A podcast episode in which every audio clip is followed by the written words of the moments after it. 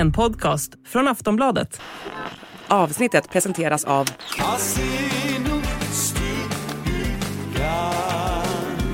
Stödlinjen.se, åldersgräns 18 år. Nu är det äntligen dags. Kungens 50 år på tronen ska firas och vi befinner oss mitt i jubileumsveckan. Men vad kommer egentligen kalaset att kosta?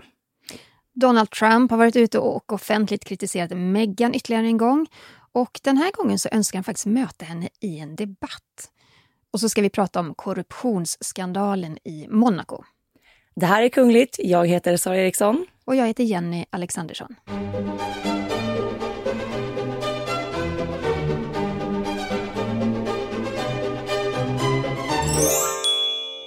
Men Sara, vi fick ju en pangnyhet. Precis innan vi klev in i studion nu mm. så la prinsessa Märta Louise och shaman Dark Verrett upp en bild, en otroligt gullig bild. De var klädda lite rosa och vita kläder ja. på Instagram där de meddelar att de ska gifta sig i augusti 2024. Ja, och det här är ju någonting som vi faktiskt har väntat på för att paret förlovade sig ju i juni 2022. Eh, då fick vi också ta del av den här nyheten då via Instagram. Eh, de förlovade sig på en hästgård i Los Angeles och eh, ja, men de är väldigt bra tycker jag på det här med att ta fina bilder inför de här, när de offentliggör de här grejerna.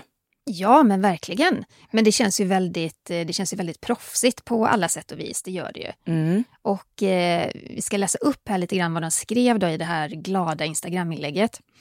Och Märta Louise säger så här. Derek Verrett och jag är glada för att meddela att vårt eh, kommande bröllop kommer att ske på det historiska Hotell Union i Geiranger den 31 augusti 2024. Geiranger är känd för sin, sin spektakulära fjord, sina dramatiska fjäll. Och Geirangerfjorden står på Unescos eh, världsarvslista och representerar Norges rika kultur och naturskönhet. Vi är otroligt glada för att kunna fira kärleken, kärlek i Geirangers vackra omgivningar. Det betyder mycket för oss att samla våra närmaste på ett ställe som är så rikt på historia och eh, fantastiska naturupplevelser. Geiranger är det perfekta stället för att omfamna vår kärlek skriver Märta Louise. Ja men vad härligt, då har vi ett eh, kungligt bröllop att se fram emot nästa år. Mm. Eh, vi har ju redan sett Märta Louise med sin, hon har, hon har en otroligt fin eh, förlovningsring. Mm. Det är en kvadratformad smaragd från Brasilien och den här har väl Shaman Durk Verret eh, designat själv till henne. Ja, men det har han gjort och den här smaragden är ju då omringad av diamanter och Derek har berättat att de fyra triangelformade diamanterna står för eld, jord, luft och vatten. Och sen då tre av ringens diamanter symboliserar då Märta Louise döttrar, Lesadora, Maud Angelica och Emma Tulula. Och Märta Louises mamma, drottning Sonjas favoritsten, är smaragd. Och det var därför som Dark valde den här stenen, för att både Märta Louise mamma då och döttrarna skulle också på något sätt då införlivas i den här kärleken och symboliseras i, i ringen. Mm. Men nu då lite mer än ja, lite mer än ett år sedan förlovningen så är alltså ett datum satts för bröllopet. Och eh, eh, både norska kungaparet och kronprinsparet har ju uttalat sig gällande detta. Mm, kungaparet skriver så här. Det är egentligen kungen som skriver. Drottningen och jag gläder oss över att prinsessa Märta Louise och Derek Verret idag har, har offentliggjort sina bröllopsplaner. Vi är glada för att få, Dark, eh, få in Dark Verret i familjen. Och vi ser fram till att... Eh, alltså norska, jag har lite svårt för detta nu. Vi ser fram emot den stora dagen tillsammans med dem och vi önskar Märta och Darek allt det bästa. Det är så härligt med norska för att det är så otroligt likt svenska men så vänder, alltså de byter ibland plats ja. på orden i meningarna. Men eh, det har också kommit en hälsning från kronprinsparet. Och kronprinsparet skriver så här. Vi gratulerar prinsessa Märta Louise och Derek Verret till bröllop i augusti nästa år. Vi är så glada för deras skull och eh, vi ser fram emot att fira tillsammans med dem. Vi önskar Märta och Derek eh, all gott för framtiden. Och flickorna. Och flickorna. Ja, men det är ju ett väldigt kontroversiellt par, prinsessa mm. Märta Louise och eh, shaman Darek Verret. Bara det att han är shaman väckte ju enorma rubriker i Norge och faktiskt över hela världen när det blev känt att eh, de var tillsammans. Märta Louise hon får inte längre arbeta för kungahuset. Och det beror ju på att hon sl slidat lite på sin kungliga titel får man väl säga. Ja, hon har ju liksom varit lite hon har gått lite över gränserna där när det kommer till hur man får använda den kungliga titeln i, i olika sammanhang. Hon har ju faktiskt eh, innan hon då skaffade ett nytt Instagramkonto, hon skildes då på liksom prinsesskontot och det här med privata, så var det ju mycket kommersiell verksamhet som pågick. Ja, hon gjorde ju reklam för saker. Hon gjorde reklam för dels egen verksamhet men också för hennes och eh, shamanens turné som också till en början hette väl Shamanen Prinsessan och, Prinsessan shamanen. och shamanen. Så man har ju verkligen försökt kapitalisera på eh, den kungliga titeln. Och det där har ju såklart blivit enormt ifrågasatt. Jag menar, det får man ju inte göra som kunglighet. Och eh, både kungen och kronprins Haakon satte ner foten flera gånger gällande det här. Men till slut så fick ju helt enkelt inte Märta Louise längre arbeta för kungahuset. Mm. Och sen när de går ut med en sån nyhet så brukar det alltid låta som att det har vi kommit överens om tillsammans.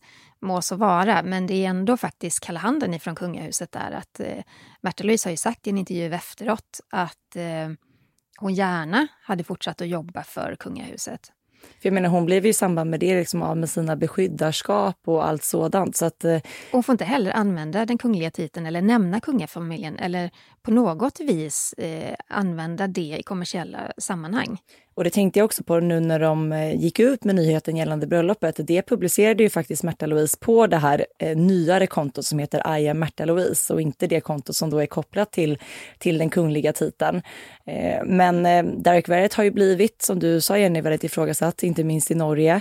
Han har ju sålt bland annat den här medaljongen som vi har pratat väldigt mycket om här i podden. Han hävdade ju att den hade gjort honom frisk ifrån corona när han insjuknade. Och han har ju även hävdat att den här medaljongen kan ladda dricksvatten för att man ska få i sig rätt energier. Och eh, han har ju sålt den på sin hemsida. Jag kommer inte ihåg för exakt hur mycket det var. Ja, men det var, var det runt 2000 kronor, det var ganska mycket pengar i alla Mm. fall. Och just det där med att eh, sälja prylar med motiveringen att det kan hjälpa en människa att bli frisk från olika saker. Eller ja, energier i vatten. Det är inte så konstigt att han av, an, av vissa norska experter och så vidare kallats för lurendrejare.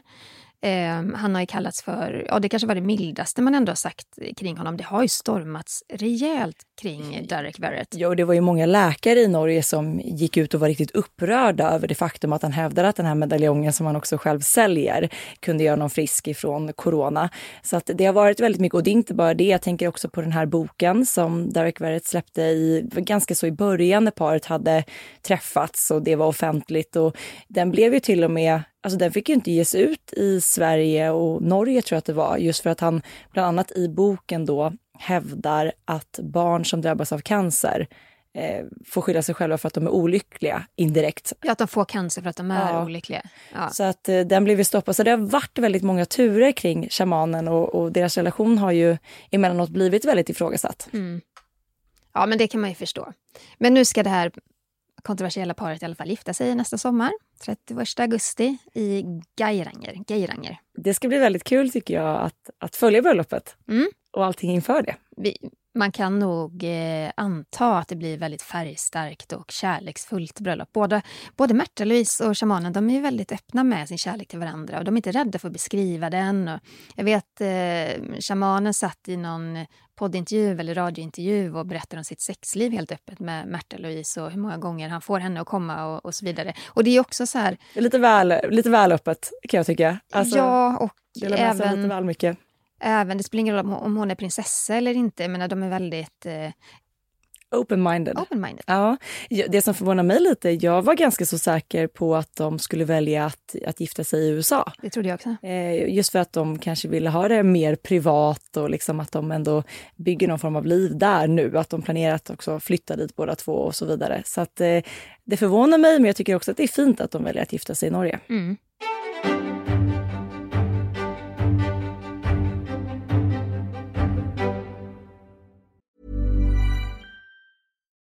Botox Cosmetic, out of botulinum toxin A, FDA approved for over 20 years. So, talk to your specialist to see if Botox Cosmetic is right for you. For full prescribing information, including boxed warning, visit BotoxCosmetic.com or call 877-351-0300. Remember to ask for Botox Cosmetic by name. To see for yourself and learn more, visit BotoxCosmetic.com. That's BotoxCosmetic.com.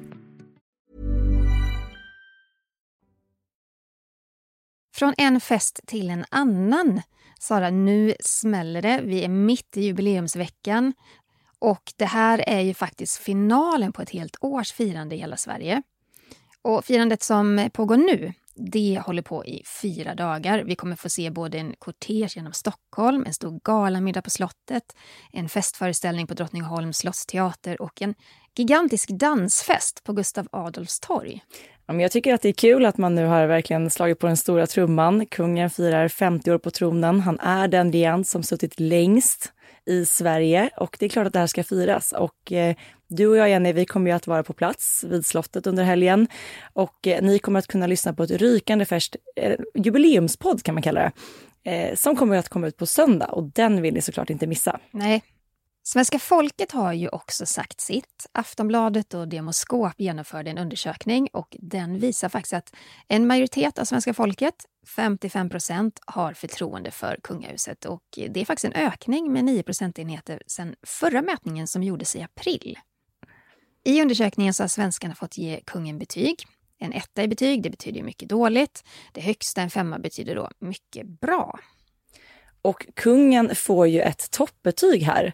En majoritet hedrar kungen med betyg 4 eller 5, 58 procent tycker så. Och man tycker helt enkelt att kungen gör ett bra jobb.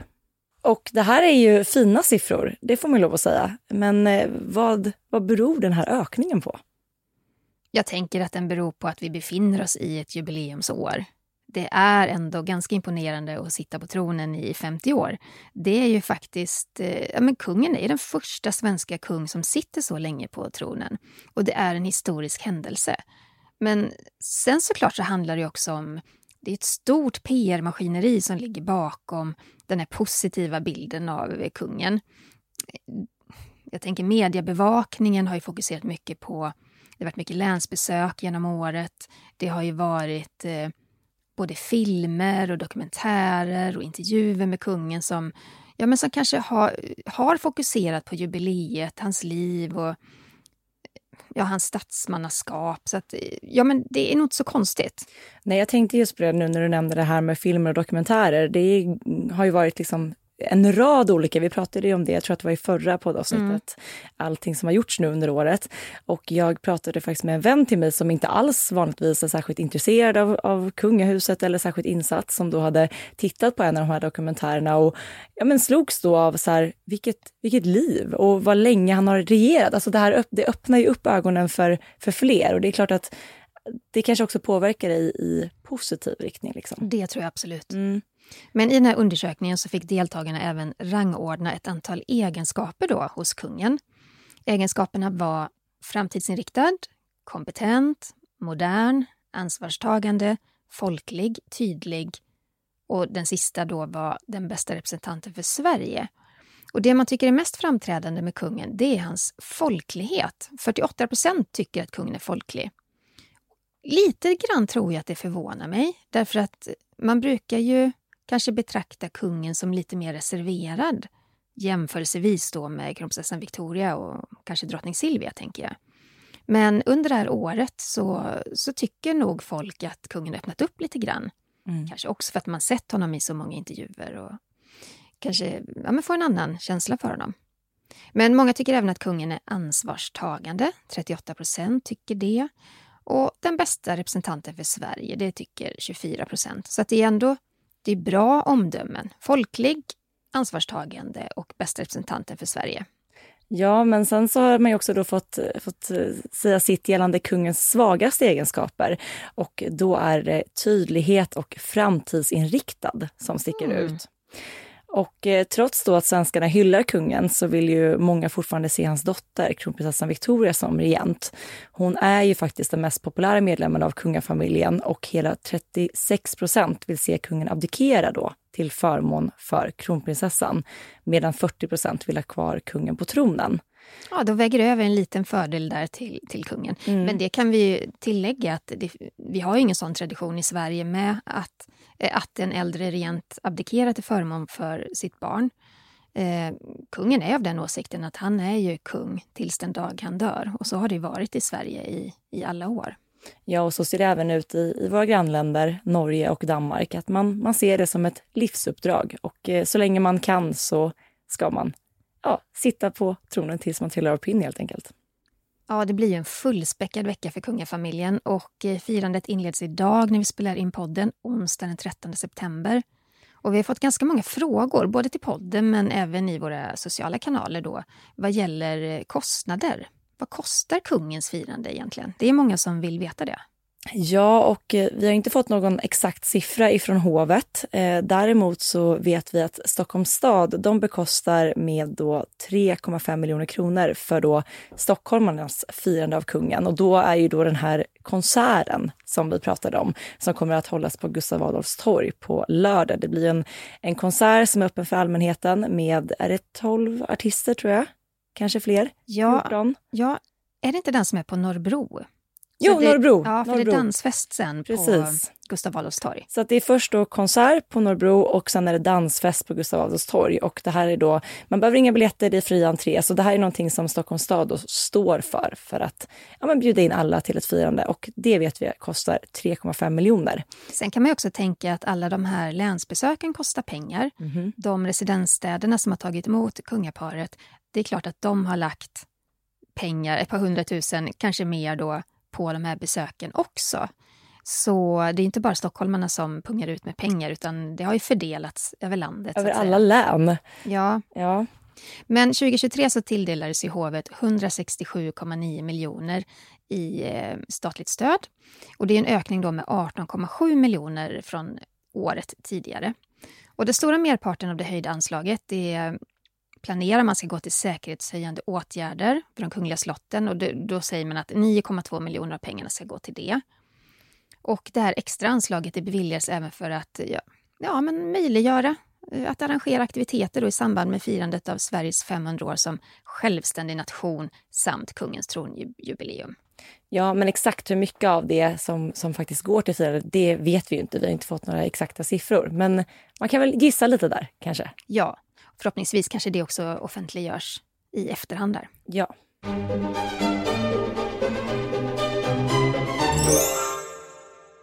Vi måste prata om Monaco, Sara. Det Det- puttrar, det stormar. Det verkar aldrig bli en lugn stund för först Albert och förstinnan Charlene. Nej, vi har ju pratat eh, tidigare om eh, paret och det här envisa ryktet som då påstår att förstinnan Charlene har lämnat Monaco och sin familj.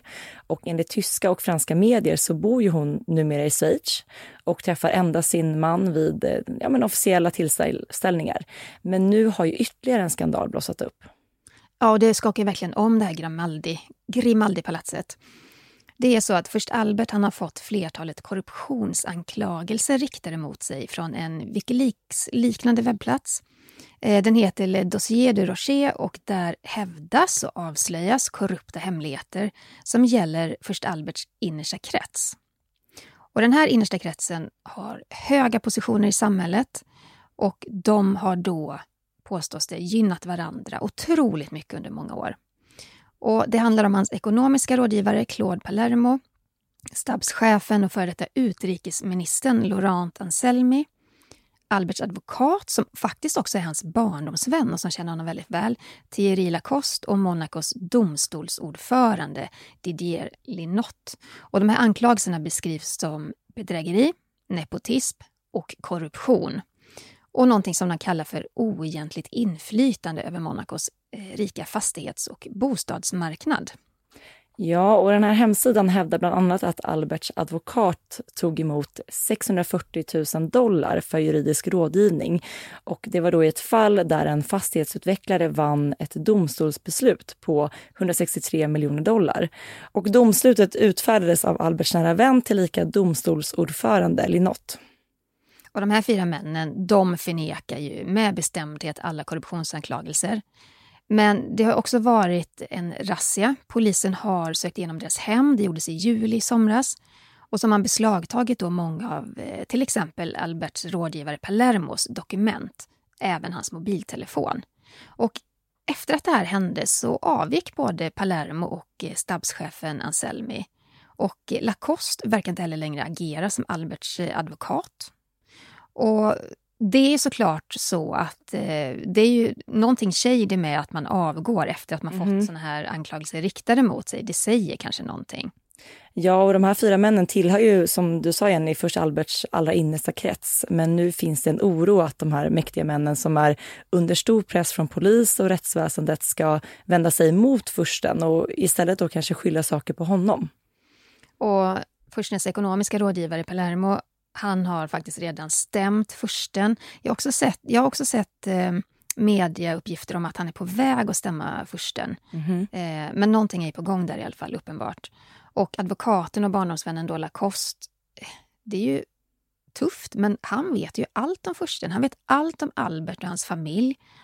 Han har genom åren fått höra alla hemligheter, alla problem. Eh, de har ju varit så otroligt tajta. Så det här är ju ett mardrömsscenario. Ja, men de har ju vuxit upp tillsammans, de är barndomsvänner, så han har ju verkligen varit med genom hela Alberts liv. Ja, alltså Lacostes mamma var ju pressekreterare till Grace Kelly som är Alberts mamma. Eh, jag bara tänker med fasa på vad som skulle hända om Lacoste börjar läcka då Alberts hemligheter. Det är inget drömscenario. Det är det inte. Nej. Det är en mardröm. Och först Albert kämpar ju nu intensivt för att skapa en distans mellan sig och de tidigare vännerna. Han sa i en intervju med Le Figaro i somras att när förtroendet är brutet och det inte finns några raka svar på frågor som ställs, då måste man ta hårda beslut. Och eh, Dossiern visade eh, via internet vissa människors aktiviteter och människor som jobbat med mig. Och som jag säger, om det inte finns något förtroende så är det omöjligt att jobba tillsammans, sa alltså Albert. Det är ju ett eh, hårt ställningstagande. Mm. Han mhm. bryter ju faktiskt med alla sina närmsta vänner där. Ja, och, men det ska också sägas det att, att först Albert verkar ju faktiskt inte vara helt oskyldig själv. Nej, det är ju flera experter som hävdar att eh, han faktiskt har blivit varnad förut. Varnad om vad som försiggick och vad vännerna höll på med.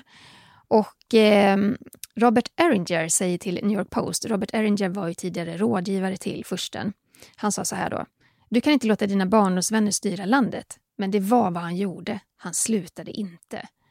Så Robert Eringer är ju då verkligen någon som har så här petat på första Albert, bara hallå, ser du vad de håller på med? Mm. Och första Albert, enligt då Eringer, verkar ju bara ha struntat i det och inte velat ta i det här problemet. Fram tills nu då, då, i och med att problemet är ett faktum. Ja, och det är också, jag tycker också det är så himla sorgligt för att när första Albert då blev landets regent, då var ju en av hans, han, han proklamerade verkligen det att han ville rensa upp korruptionen i landet. Och så sitter han själv med den här röran i knät. Mm. Ja, nej det är, eh, det är mycket nu som stormar kring eh, först Albert och hans familj och, och, inte minst nu den här senaste nyheten som skakar om rejält.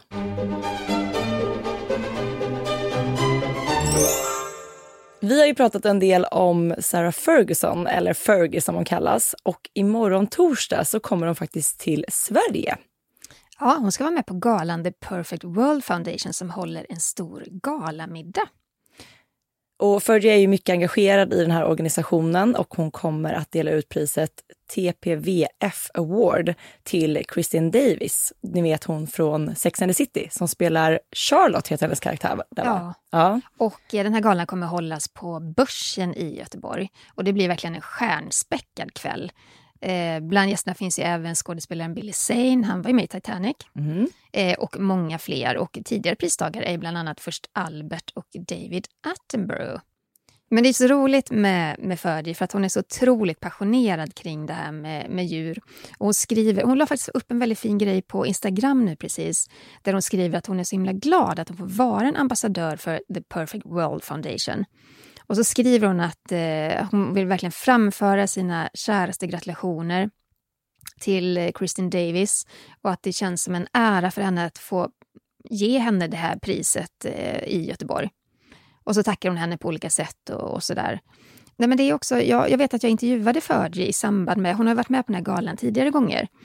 Och då gjorde jag en intervju med henne inför en av de här galorna och hon eh, är så himla skön hon är ju inte rädd för att prata från hjärtat. Nej. Många andra kungligheter är så otroligt mediatränade att, att det sällan blir någonting mer än ett kanske mer stelt och tillrättalagt samtal. Men med Fergie så finns inte den där, det här filtret. Och det har ju verkligen varit någonting som båda har tagits emot på, på rätt sätt och många har uppskattat hennes öppenhet. Men det har också varit ett, eh, lite av ett problem under hennes tid i kungahuset när hon var gift med Andrew. Och eh, jag menar, hon var så pass rak och öppen i media om man jämför då med övriga medlemmar av brittiska kungahuset. Så att eh, det kom ju både det ena och det andra ur ja. hennes mun som gjorde drottning Elizabeth lite stressad. Och med tanke på det tyckte jag det var så fint, vi pratade om det förra veckan i podden, att Fergie har ju en podd tillsammans med sin vän som heter Tea Talks. Och där berättade hon just att drottningens sista ord till Fergie var, var bara dig själv. Mm.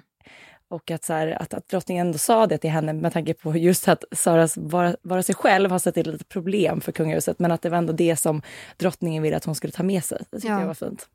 Och eh, Fergie hon har ju opererats för bröstcancer.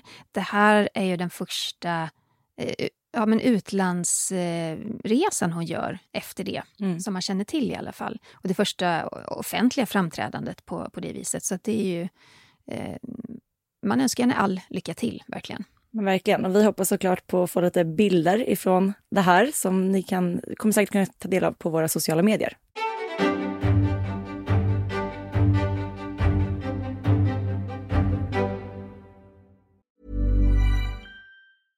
This message comes from BOF sponsor eBay.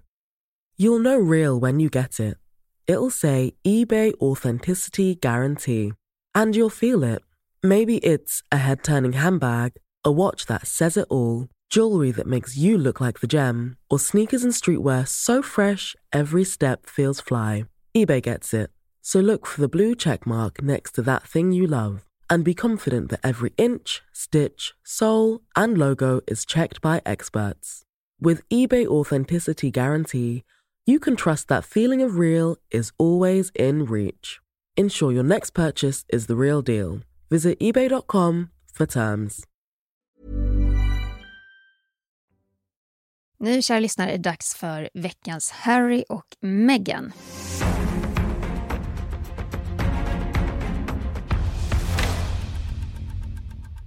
USAs före detta president Donald Trump vill gärna möta Meghan Markle i en debatt.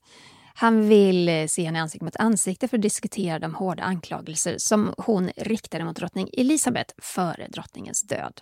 Vi lyssnar lite på hur det lät. If you were to sit down with the Duchess of Sussex, Meghan Markle, and Prince Harry, they don't like you much. Would you do that for the ratings? Well, I don't know that they don't like me. I said uh, that I don't think they're very appropriate what they're saying, what they're doing. And... But I mean, that would get ratings, wouldn't it? Oh, if you want to set it up, let's set it up. Let's right. let's go do something. I'll, I'll, I'd love to debate her. I would uh, love it. Det är i radiointervjun The Hugh Hewitt Show som Trump säger då att Harry och Meghan inte hade någon respekt för drottningen. De behandlade henne illa när hon lämnade kungahuset 2020. Och det verkar faktiskt som att Trump han är ju väldigt förtjust i drottning Elizabeth.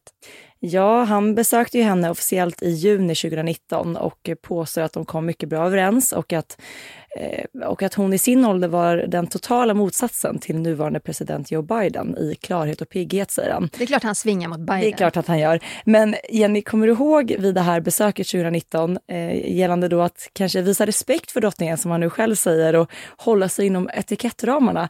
Han trampade ju en del i klaveret under det här besöket.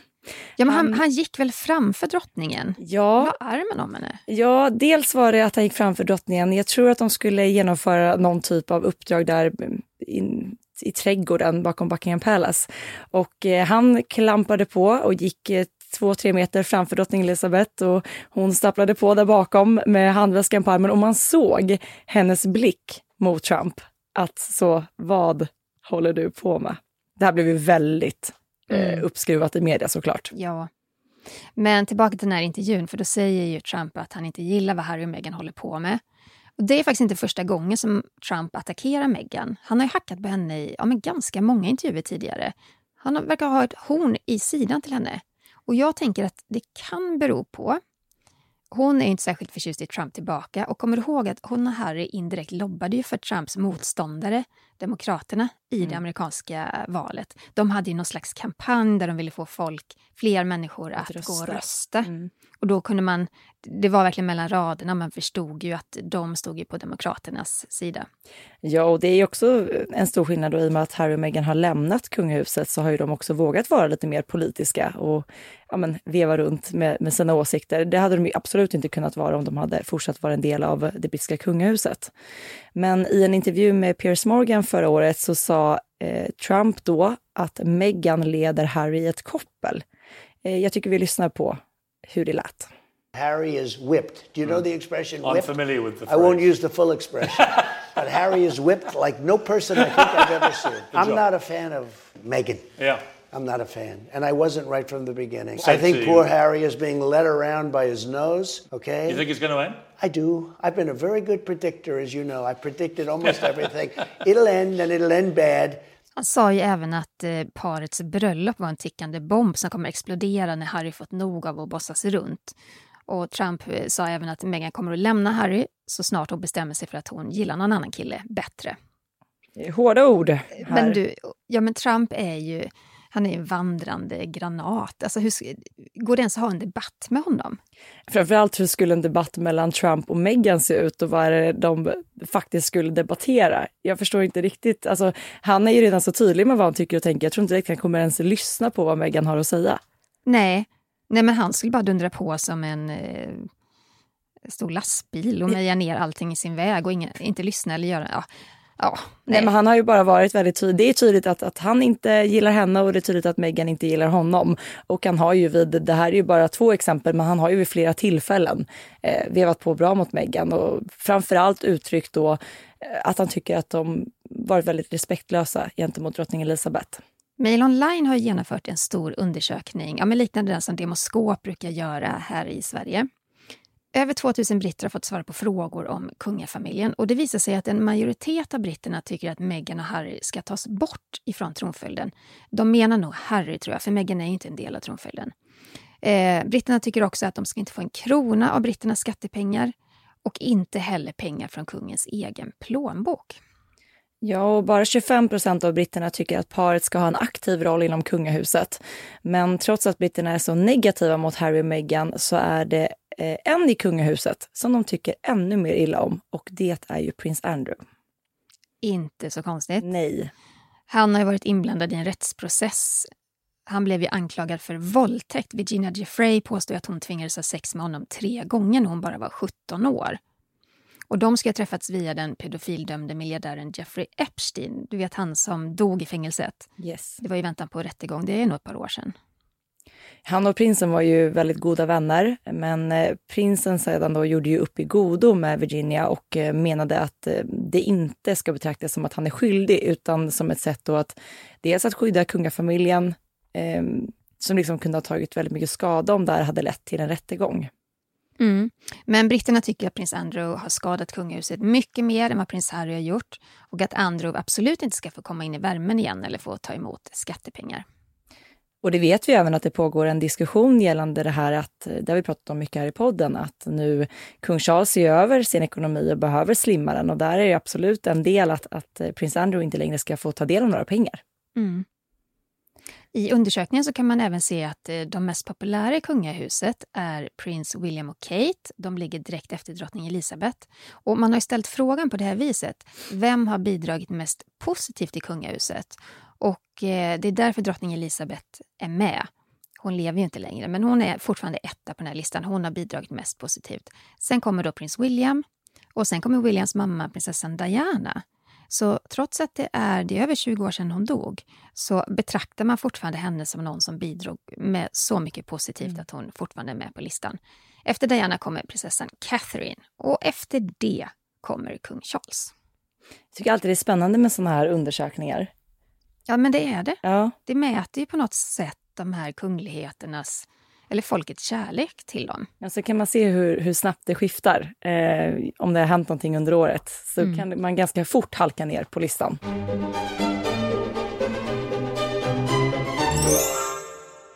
Och förra veckan så pratade vi om hur kungafamiljen planerade då att hedra drottning Elizabeth på årsdagen den 8 september.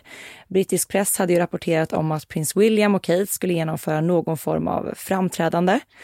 Och på fredagsmorgonen den 8 september så publicerade brittiska hovet ett meddelande från kung Charles.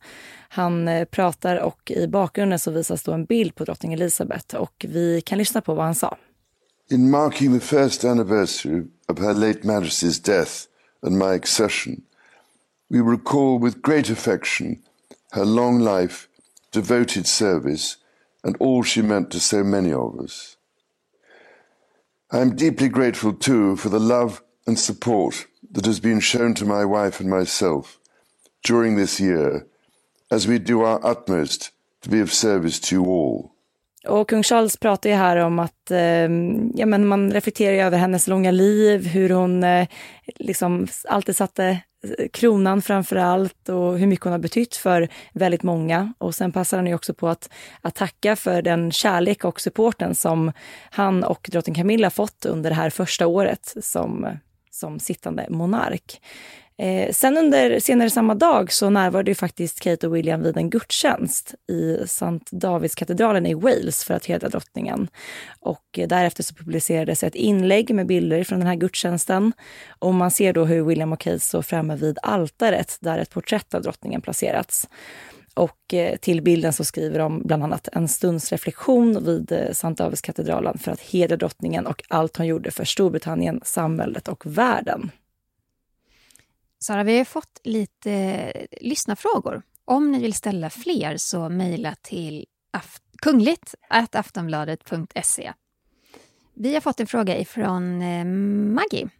Hej! Om Victoria och Daniel inte kunde få egna barn, skulle de kunna adoptera ett barn istället? Och vilken status får barnet i så fall?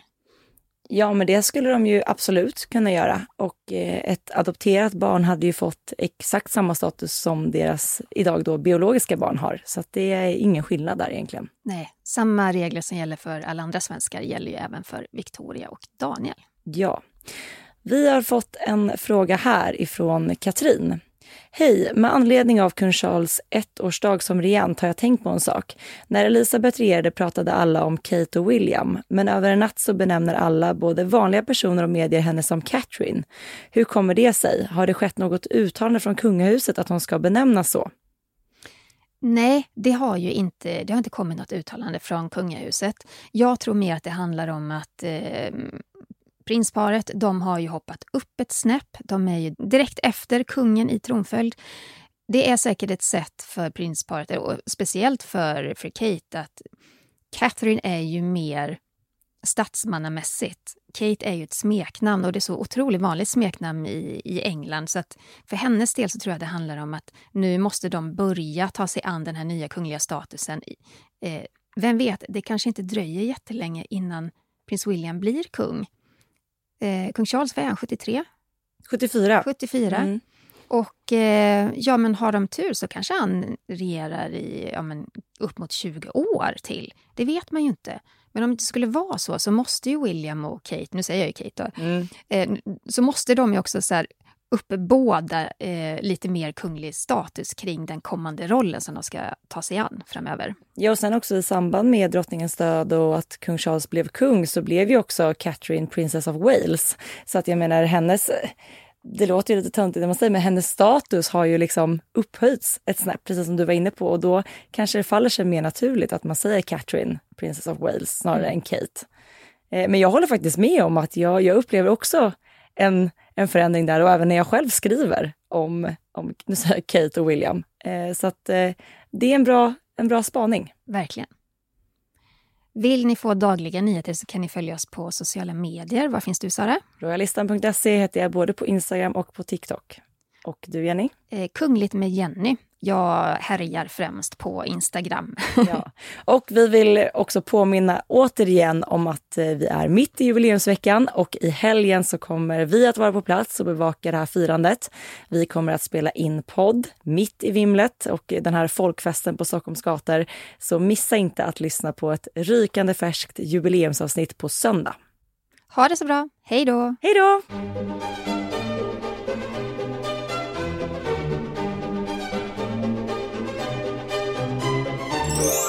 Du har lyssnat på en podcast från Aftonbladet.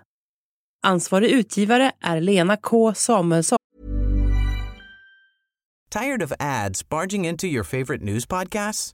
Good news. Ad-free listening is available on Amazon Music for all the music plus top podcasts included with your Prime membership. Stay up to date on everything newsworthy by downloading the Amazon Music app for free or go to amazon.com slash news ad free. That's amazon.com slash news ad free to catch up on the latest episodes without the ads.